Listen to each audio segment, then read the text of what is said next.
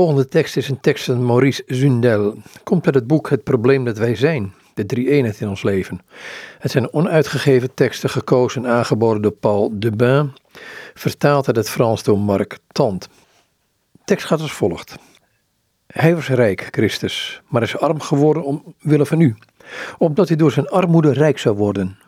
Geen enkele tekst kan ons een duidelijker idee geven van een moeilijkheid die een Jood, rabbijn als Paulus had, iemand als hij die zeker op de hoogte was van de Joodse theologie van zijn tijd, waarin hij geworteld en gevormd was. Hoe moeilijk was het voor zo iemand om vanuit het unitaire monotheïsme van Israël en denkend vanuit een God die men in een hemel daarboven en buiten ons wist, vanuit een God die dus de gebeurtenissen van onze planeet en van heel het heelal in handen hield, hoe moeilijk was het voor hem om zich God niet langer voor te stellen als een machtige rijke en als een hoogheid, die met onze geschiedenis niets te maken heeft, die geniet van een volmaakte zaligheid en die door niets verstoord kan worden. Maar in Jezus Christus buigt die God zich naar ons, arme sukkelaars, als een arme mens in een armoede. We spreken louter over Jezus Christus en zijn mens zijn, die hem in werkelijkheid niet berooft van zijn eeuwige rijkdom. Maar als Christus zichzelf ontledigt, zoals Paulus het zegt, dat wil zeggen, als hij de heerlijkheid van zijn God zijn aflegt en uiterlijk de gestalte aanneemt van een slaaf, dan verliest Christus in werkelijkheid niets. Dan treedt hij eenvoudig weg naar voren als te onthechten. De kerk zal ons zeker blijven ontroeren.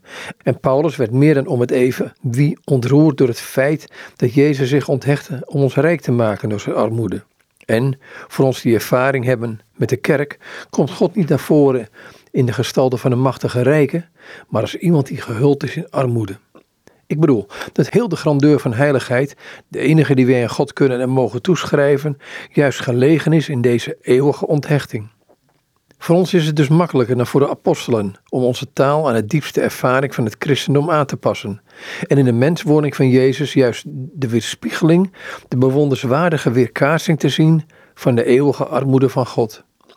Deze arme God, die binnenin ons is, deze stilzwijgende God, deze God die naar ons verlangend uitkijkt, deze God die er niet toe in staat is ons te dwingen, deze God die een maatloze offergave is in de intiemste diepte van onszelf. Deze God die zo gemakkelijk aan onze aandacht ontsnapt. Deze God die wij onder een sluier verbergen en wiens licht wij verduisteren. Deze God wiens nabijheid wij bedelven onder alles lawaai dat wij maken. Deze God die in de profetieën, in alle scheppende genieën, in alle helden van goedheid en liefde, een uitdrukking heeft gevonden die al licht oneindig veel sprekender was dan ons eigen leven. Hij gaat in het mens zijn van Jezus Christus, in dit schepsel dat in de schoot van de maagd Maria ontluikt, een bewonderenswaardige replica realiseren van zijn eeuwige onthechting. En deze replica zal in de geschiedenis van de mensen nooit haar weerga vinden. Dit mens zijn gaat dus zo ontdaan worden van zichzelf dat hij zich nooit nog iets zal kunnen toe-eigenen.